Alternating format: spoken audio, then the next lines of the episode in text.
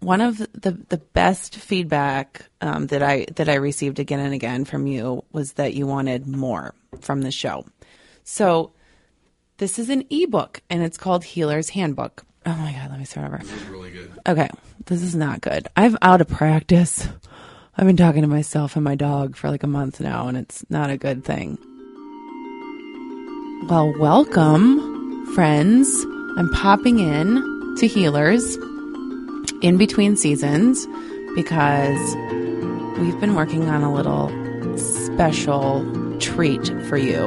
And one of the, the best feedback um, that I that I received again and again from you was that you wanted more from the show.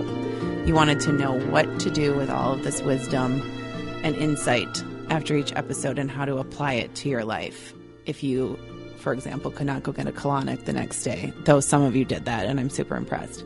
So, this is an ebook and it's called Healer's Handbook. And don't get overwhelmed. It's just like 25 pages and it's a companion to the show that you can look at on your phone or on your laptop or you can print it out. I recommend reading it in bed. That's where I do a lot of my best healing work or the bathtub. So, what you will find in this book, which by the way is free, I just, this is my gift to you, and this is my gift to all of the people who came on our show and shared their wisdom with us. I just really want you all to have access to this wonderful information whenever you need it on your healing journey. So, included in the ebook, a recap of each episode and the healing themes and kind of key takeaways that we discussed. Then you will get a simple exercise or activity to do. For example, you might be learning how to tune in to, the, to signs from the universe and how to kind of pay attention to those and, and keep track of those synchronicities. You'll also get a thought starter that you can journal on next time you're you know, making a to do list, maybe you'll take a break from that and instead you'll think about your fears or um, some of those things that you're kind of stuck on.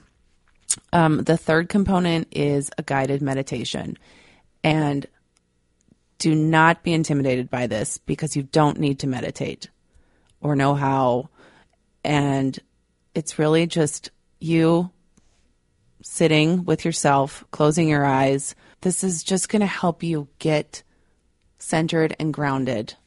These are really simple meditations that are about you setting aside two to five minutes to breathe and and hear yourself think and feel on a specific healing topic. So do not be overwhelmed by that idea. And I'm really excited to hear what you think because meditation really has become so much more complicated than it needs to be.